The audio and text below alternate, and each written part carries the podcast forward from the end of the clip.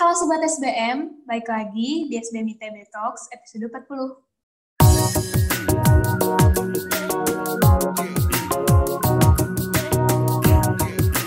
Di episode kali ini bakal ditemani bareng aku, Anina Putri, dari Manajemen 2021 sebagai announcer hari ini. Nah, jadi hari ini kita bakal diskusi tentang gimana sih caranya untuk mentransfer value kita ke customer kita dan tekno, apa sih pengaruh teknologi terhadap bisnis kita. Pas banget kita udah ada kedatangan speaker yang enak banget buat diajak diskusi, yaitu ada Kak Atalia, salah satu alumni dari SDM ITB angkatan 2020. Nah, sebelum kita diskusi nih Kak, boleh nih Kakak kenalan ke teman-teman Sobat SBM semuanya. Halo Sobat SBM, kenalin aku Atalia Mutiara Laksmi, uh, alumni kewirausahaan SBM ITB, dan juga CEO sekaligus co-founder dari Hirmi. Nah, kan kalau misalnya Hirmi itu udah, kayaknya udah sobat-sobat SBM juga udah banyak yang tahu. Tapi ada juga nih yang nggak tahu. Boleh kak, kakak kayak dijelasin Hirmi itu apa gitu, biar sobat-sobat SBM semakin mengenal dan semakin tahu nih Hirmi, bisnis kakak gitu. Oke, jadi Hirmi itu merupakan digital startup yang bergerak di bidang sosial dan produk kita itu berupa aplikasi translator bahasa isyarat dengan tampilan 3D animasi pertama di Indonesia. Nah, apa aja sih yang ada di aplikasi Hirmi itu? Sebenarnya di sebenarnya aplikasi Hirmi itu uh, ibaratnya kayak Google Translate, tapi itu bisa men menerjemahkan dari suara ataupun teks ke bahasa isyarat dan begitu juga sebaliknya. Jadi misalnya uh, aku mau ngomong gitu kayak halo nama aku Atalia gitu. Nanti bisa kubah dalam bentuk teks dan kubah lagi dalam bentuk uh, bahasa isyarat tapi tampilannya 3D animasi. Dan untuk perkembangan selanjutnya nanti juga ada bisa menangkap gerakan bahasa isyarat lalu diubah ke dalam bentuk suara ataupun teks. Oh, berarti value apa sih yang bakal kakak kasih melalui Hirmi ini ke customer kakak? Jadi sebenarnya Hirmi ini kan tujuannya untuk menjembatani komunikasi ya antara teman tuli dan juga teman dengar. Uh, karena waktu kemarin apa namanya aku ngelakuin riset apa di masyarakat juga ngelakuin riset juga ke teman-teman tulinya ternyata tuh ada namanya uh, gap of communication gitu antara teman tuli dan juga teman dengar di mana kayak kita sebagai teman dengar tuh berkomunikasi sehari-hari tuh menggunakan verbal language, sedangkan teman-teman tuli ini um, menggunakan sign language gitu sebagai communication tool mereka. Maka dari itu di sini Hirmi itu hadir untuk menjembatani komunikasi itu dan berharap uh, supaya komunikasi antara teman tuli dan juga teman dengar tuh terjadi lebih efektif dan juga lebih praktis. Karena kita hanya dengan menggunakan handphone aja kita tuh bisa uh, mempermudah kita untuk komunikasi dengan mereka dan secara nggak langsung juga kita ikut berkontribusi untuk meningkatkan uh, kesetaraan hak bagi teman-teman disabilitas khususnya teman-teman tuli gitu sih. Nah, kalau misalnya aku boleh tahu nih, kenapa sih kakak lebih milih bisnis yang seperti ini yang emang tujuannya tuh lebih spesifik, targetnya lebih spesifik daripada bisnis-bisnis lainnya gitu kak? Oke, jadi sebenarnya dari dulu waktu diajarin di uh, kewirausahaan juga di SBM, kita tuh sebisa mungkin uh, cari target market sespesifik mungkin, seniche mungkin gitu supaya kita tuh jelas gitu target marketnya tuh siapa gitu. Dan sebenarnya lata uh, kenapa aku pengen untuk meneruskan bisnis ini gitu sebenarnya tuh berangkat lagi dari uh, pengalaman aku sendiri waktu itu aku emang punya pengalaman di mana aku tuh mengalami hambatan komunikasi itu. Waktu aku tuh mau ke suatu tempat pakai online taksi dan kebetulan drivernya tuh merupakan teman tuli gitu Nah, di situ dia kan ditemenin sama anak perempuannya untuk bantu komunikasi sama kita kan sebagai penumpang. Nah, setelah kita ngobrol-ngobrol, uh, di situ tuh kita tuh dapat informasi kalau misalnya dia tuh sering dapat low rating karena sering adanya miskomunikasi gitu sama penumpang. Dan di situ juga kan kita mikir kasihan juga anak perempuannya harus yang biasanya sampai sekolah tapi harus uh, nemenin ayahnya untuk kerja gitu kan. Jadinya di sini kita tuh mikirin gimana ya caranya supaya kita bisa uh, nge-solve masalah ini. Terus makin yakin lagi waktu kita itu udah ngelakuin riset ke marketnya, waktu kita udah mulai wawancara, waktu kita ngelaku, waktu kita ngelakuin riset sederhana di Google, kita lihat bahwa ternyata tuh teman tuli di Indonesia sendiri tuh banyak banget jumlahnya ada sekitar 16 juta. Dan Indonesia sendiri tuh merupakan negara keempat dengan uh, jumlah teman tuli terbanyak di dunia gitu. Dan setelah uh, kita observasi juga ternyata banyak banget dari mereka yang mengalami diskriminasi. Terus fasilitas ramah disabilitas, terutama fasilitas ramah tuli di Indonesia tuh masih sangat-sangat kurang gitu loh. Sehingga jadinya uh, banyak banget dari mereka yang tidak mendapatkan uh, kesetaraan hak khususnya di bidang pekerjaan. Makanya dari itu uh, apa namanya alasan kuat aku juga untuk selalu terusin bisnis ini juga karena uh, aku ngalamin masalah itu sendiri dan menjumpai itu di masyarakat. Makanya kayak aku semakin semangat gitu loh untuk uh, membantu mereka dan juga meningkatkan awareness orang-orang tentang bahasa isyarat ini. Nah, kalau misalnya kayak gitu sendiri, gimana sih cara kakak dan tim untuk mentransferkan value kakak itu? Kan kayak belum pernah tuh ada yang kayak aplikasi dan fitur seperti itu. Gimana sih cara kakak untuk mentransferkan value yang udah kakak buat karena masih baru sampai kepada masyarakat gitu kak? Sebenarnya awalnya tuh kan uh, produk ini kan sangat apa ya kayak dibilang belum belum pernah ada gitu kan di Indonesia. Mungkin belum ataupun kalau misalnya ada mungkin belum terlalu booming gitu ya. Jadi sebenarnya tuh uh, termasuk challenge juga buat kita kayak gimana cara nyampein ke masyarakat supaya masyarakat tuh bisa menerima produk kita. Jadi kita tuh setiap apa ya setiap proses bisnis setiap pengambilan keputusan kita tuh selalu melibatkan target market kita gitu.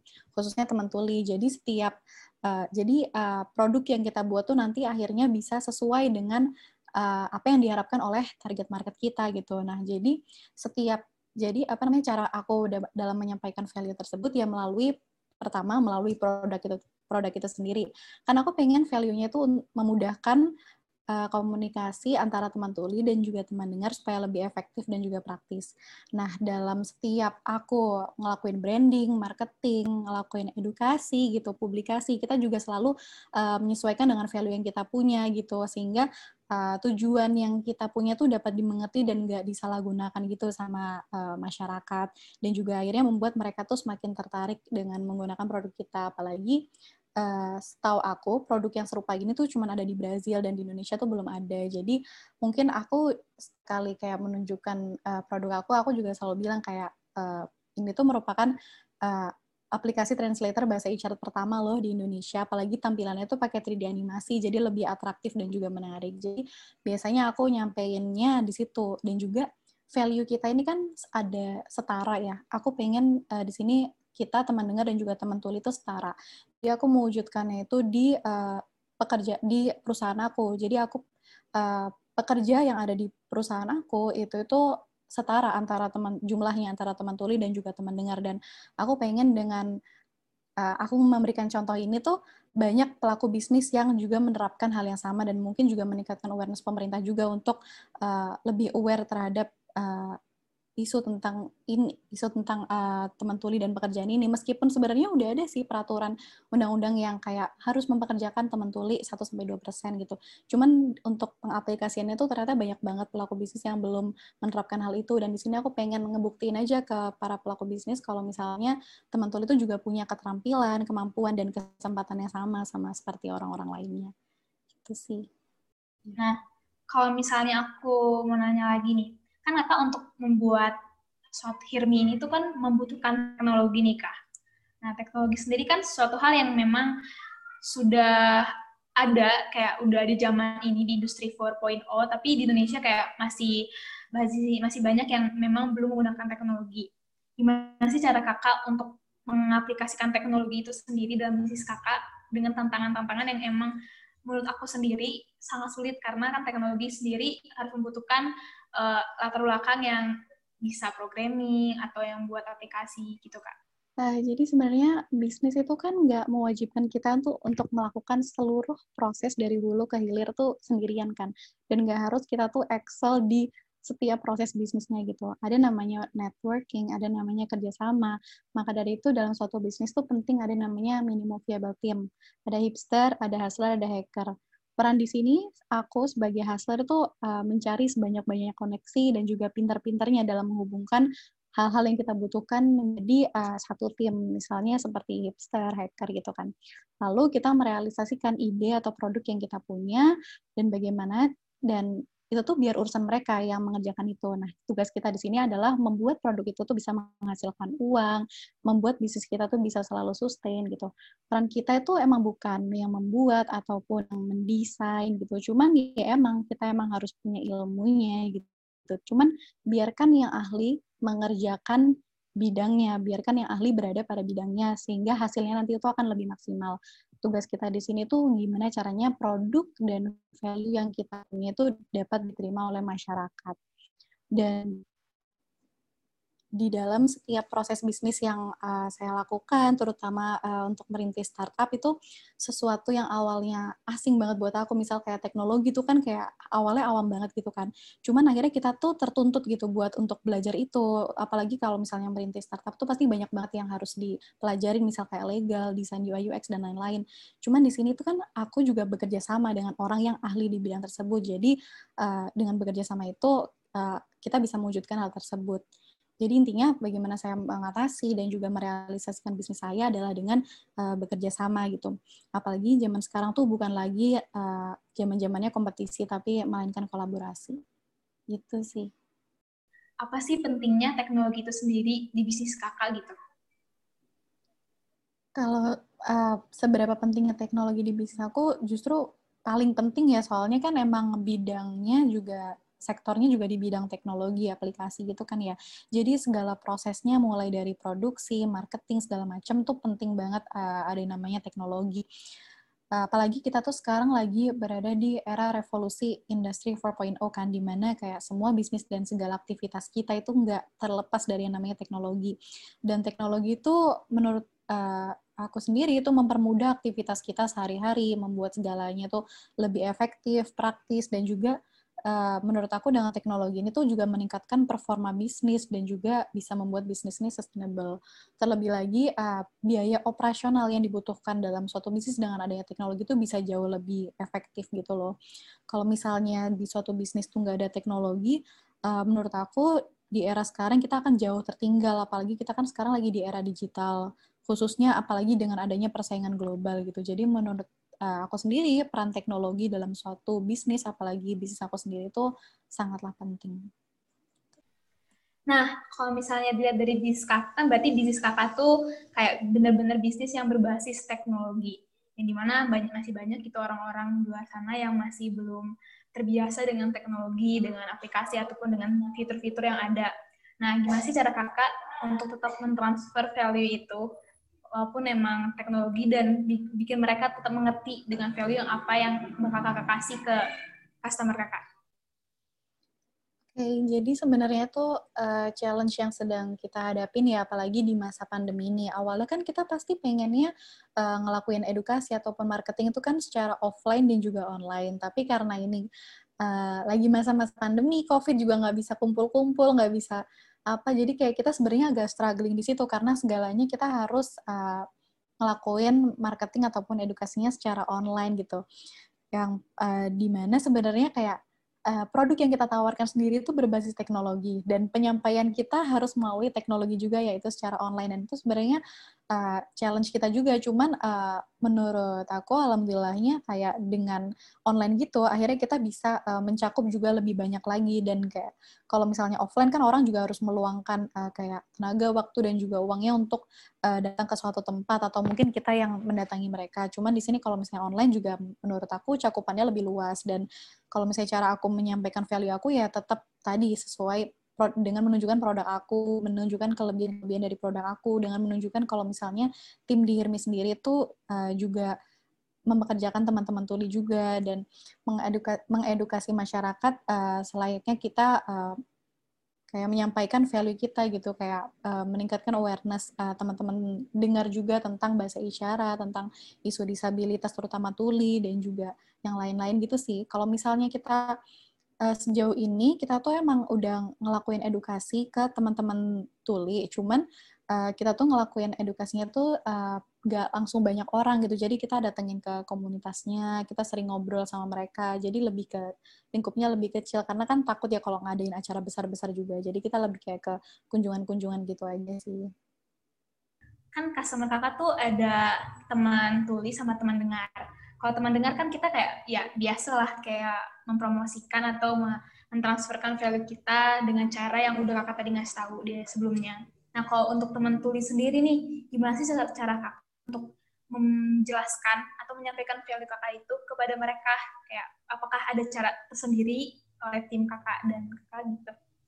Jadi sebenarnya kalau dari uh, kalau kita mau mendekati teman tuli itu kita tuh sebenarnya harus menghargai mereka dengan cara kita tuh harus bisa bahasa isyarat. Mereka tuh sebenarnya punya trust issues gitu. Jadi kayak agak mereka tuh kalau misalnya kita tiba-tiba uh, mau datang ke mereka terus tiba-tiba mau iya kita mau promosi ini ini tuh. Mereka tuh agak kayak emang kamu siapa gitu. Nah, sebenarnya kalau misalnya mau mendekati mereka kita tuh harus apa ya? Misal kita kenal nih sama satu teman tuli, terus kita harus sering-sering kayak main, sering-sering ngobrol gitu. Jadi cara penyampaian, jadi kalau misalnya kita mau approach ke mereka, mereka tuh nggak merasa mereka tuh sebagai apa ya objek penelitian atau sebagai target market yang untuk kayak dikasihanin atau apa. Jadi kita kayak harus sering-sering nge-build uh, apa namanya trust juga dengan mereka, sering-sering ngobrol sama mereka gitu. Dan kita mempelajari salah satu budaya mereka yaitu bahasa isyarat. Jadi cara kita menyampaikan ke mereka tuh kalau misalnya offline kita biasanya pakai bahasa isyarat, tapi kalau misalnya online kita biasanya uh, entah dalam setiap uh, video campaign kita atau kayak video marketing kita tuh selalu kasih subtitle. Kalau nggak gitu uh, pasti kita tuh ada juru bahasa isyarat gitu di setiap webinar-webinar uh, yang kita adain gitu sih aku mau nanya juga nih, pasti sobat-sobat SBM juga penasaran. Kan bisnis kakak itu bener-bener niche ya, jadi kayak benar ke satu customer, jenis customer yang lebih spesifik. Nah, gimana sih cara kakak untuk mem, apa ya namanya juga mentransfer value itu dan meyakinkan para investor kan dengar-dengar kakak ini juga banyak banget dapat dana, dapat investasi dari banyak uh, pihak gitu kan. Gimana sih cara kakak untuk meyakinkan mereka bahwa M bisnis aku ini bagus dan punya value yang berbeda dari yang lainnya. Terus biasanya tuh kalau misalnya kita cuma menyampaikan social value juga, itu tuh biasanya kayak, oh iya oke okay, gitu. Cuman mereka kalau misalnya khususnya investor ya, apalagi venture capital gitu, mereka pasti tertarik sama angka-angka gitu kan, jumlah target market gitu. Nah, kalau misalnya aku sendiri ngelihat di Indonesia tuh angka yang uh, target market kita tuh cukup besar gitu. Dan sebenarnya lebih dilihat lagi tuh ke social impact-nya. Dengan adanya aplikasi ini tuh angka yang didapatkan dari social impact-nya itu berapa? Misal kayak uh, berapa jumlah pekerja tuli yang diterima di suatu perusahaan dari sebelum dan setelah adanya HIRMI. Kayak berapa jumlah pendapatan yang didapatkan oleh teman tuli sebelum dan setelah adanya HIRMI. Biasanya lebih ke situ sih. Jadi kayak cara aku meyakinkan uh, investor ataupun nanti ikut kompetisi biasanya lebih kayak ke social value yang membedakan kita dari orang lain dengan gak hanya perlu tentang monetary value dan juga kasih social impact-nya gitu. Uh, sebenarnya sejauh ini kita tuh dapat uh, dana sih dari kompetisi, belum sampai investor. Soalnya menurut aku kalau misalnya di tahap sekarang alias masih uh, seed funding itu, kita masih belum berani buat approach investor. Cuman karena sekarang kayak kita udah ada produknya, udah bisa launching, kita udah baru mulai berani ke investor gitu. Dan setelah kemarin aku sempat barusan aja kayak ngobrol-ngobrol juga sama salah satu investor juga, sebenarnya yang kita tekanin itu emang kayak sekarang banyak banget investor yang suka yang bisnis yang nggak hanya melulu tentang monetary value gitu. Cuman kalau misalnya tuh ada bisnis yang kayak bisa ngebalance antara monetary value dan juga social value itu mereka tuh sangat tertarik karena ini nggak tahu ya ini menurut pandangan salah satu investor yang aku ajak bicara juga katanya dia tuh juga suka kalau misalnya bisnis itu tuh uh, apa namanya ada dampaknya juga buat masyarakat karena entah kenapa sesuatu yang kalau misalnya kita ngelakuin baik tuh pasti ada aja lah yang masuk gitu tuh pasti ada aja jalan dan juga pasti ada aja kayak pemasukan kalau misalnya kita ngelakuin kebaikan gitu. Nah kalau misalnya dilihat seperti itu pencapaian-pencapaian apa aja sih yang udah kakak raih sama teman-teman kakak? Sebenarnya uh, produk aku ini kan uh, bahasa isyarat tuh kan di Indonesia tuh kan berbeda-beda ya, tiap daerah juga berbeda. Dan sampai saat ini kita tuh baru ngembangin bahasa isyarat yang ada di Jawa Barat. Jadi untuk uh, pencapaiannya sebenarnya tuh uh, kemarin kan kita barusan aja launching di Play Store waktu bulan September dan dalam waktu dua minggu itu kita udah ngedapetin 5.000 lebih downloader dengan uh, active usernya tuh 4.700 dan dalam waktu dua minggu itu kita itu udah uh, dapat ranking ketujuh dengan uh, trending social app di Play di Play Store gitu dan kita menempati lima uh, aplikasi kelima juga untuk aplikasi yang diakses terbanyak di Indonesia dan juga diakses dari uh, kurang lebih kayak 27 negara gitu. Sejauh ini sih pencapaiannya pencapaian dari aplikasinya sendiri sih seperti itu ya. Nah, kalau misalnya aku nanya lagi nih Kak, sebagai uh, apa ya CEO atau uh, pencetus startup Hiasmi ini sendiri? Tantangan apa aja sih yang kakak alami dari proses pembuatan atau proses pemasarannya, bahkan sampai proses uh, pentransferan value kepada customer-nya? Apa aja sih tantangan-tantangan yang kakak alami selama ini? Uh, tantangannya banyak banget banyak terlalu banyak gitu. Cuman kayak kalau aku bisa simpulin tantangannya tuh pertama pasti dana ya. Kalau misalnya kita dari awal kan belum punya apa-apa terus kayak susahnya gimana sih? Susahnya kayak kita masih kuliah gitu. Waktu kemarin kan aku mulai waktu kuliah membangun kerjasama sama orang-orang yang udah uh, ahli di bidangnya. Misal kayak kita kan uh, di sini mau kayak eh kita mau bikin aplikasi nih. Terus tiba-tiba datang ke suatu perusahaan kayak uh, kita mau bikin aplikasi gimana dia mau percaya gitu kan gimana dia yang kayak mau kerjasama gitu susah gitu untuk itu dulu tuh challenge kita banget buat bisa dapat kerjasama sama orang. Terus ketiga setiap kita ngelakuin uh, riset ke market, apalagi teman-teman tuli, kita tuh sering banget dibilang kayak ini cuman kayak kita sebagai objek penelitian. Oh ini aplikasi cuman buat nguntungin mereka doang kita cuman dimanfaatin doang. Kayak banyak banget uh, perspektif perspektif dari teman-teman tuli yang menganggap kita tuh cuman uh, menganggap mereka sebagai objek penelitian. Padahal sebenarnya kita di sini tujuannya kan untuk membantu mereka ya dan untuk mengedukasi teman-teman dengar tentang bahasa isyarat. Tapi karena salah gitu ya jadi uh, banyak pasti meskipun kita udah jelasin juga cuman pasti banyak lah dari mereka yang masih aja ada hate gitu ya. Terus keempat itu komitmen antar founder. Jadi apa kalau misalnya ngerjain apalagi merintis suatu startup itu kan harus sabar, harus siap untuk menghadapi ketidakpastian, harus siap menghadapi kemungkinan terburuk dan kalau analoginya kalau misalnya ada jurang di ujung jalan itu kan seharusnya kita itu harus mikirin uh, gimana caranya supaya kita tuh bisa ngelewatin jurang itu. Pikirin inovasi apa yang bisa kita buat gitu kan bukan yang malah aduh negatif tinggi aduh takutnya ada jurang aduh putar balik aja gitu kan. Nah banyak juga kalau misalnya momen-momen di saat kayak misal kita udah lulus kuliah terus kayak ngelihat teman-teman kita udah keterima kerja di sini situ terus udah dapat gaji sekian sedangkan kita yang masih kayak stuck di sini aja terus kayak masih luntang lantung kayak nggak tahu ini harus gimana terus kayak gajinya juga pasti kalau startup awal-awal segi pasti gajinya minim banget lah gitu kan. Dan itu tuh kayak ya itu tantangannya kayak kita harus sabar kita harus kuat gitu. Em sebenarnya tantangan terbesarnya itu di itu sih dan di komitmen diri sendiri juga cuman menurut aku tuh jangan jadikan tantangan itu tuh sebagai suatu halangan cuman dan jadiin itu tuh sebagai suatu peluang untuk kita terus berinovasi, belajar dari berbagai kegagalan yang udah kita laluin, kuat sama visi yang udah kita pegang, dan juga terus persisten untuk mencapai tujuan dari uh, bisnis kita itu.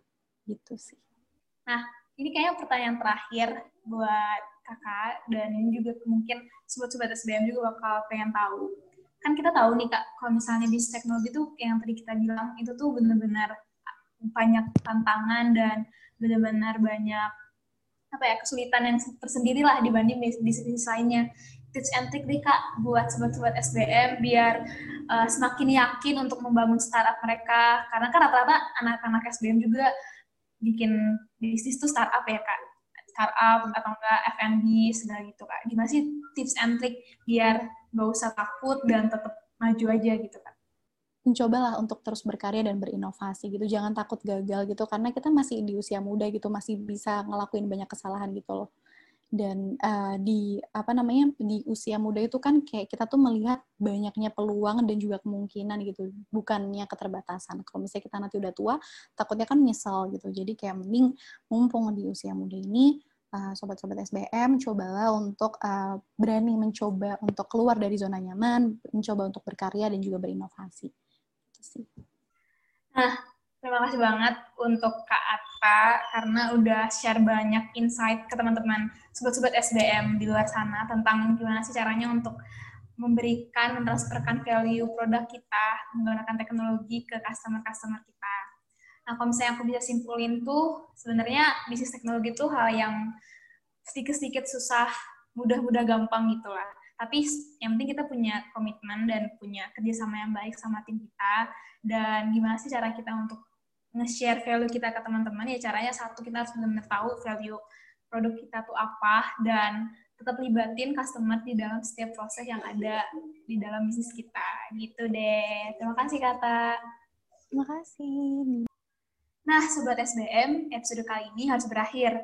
Tapi jangan khawatir karena SBM ITB Talk bakal hadir lagi di episode-episode lainnya yang bakal lebih seru dari episode hari ini. Dan jangan lupa untuk mengklik tombol like, comment, share, dan subscribe akun YouTube channelnya SBM ITB dan mau follow akun Spotify-nya SBM ITB. Nah, karena itu, sampai jumpa di episode lainnya. Bye-bye. SBM ITB For the for the greater good.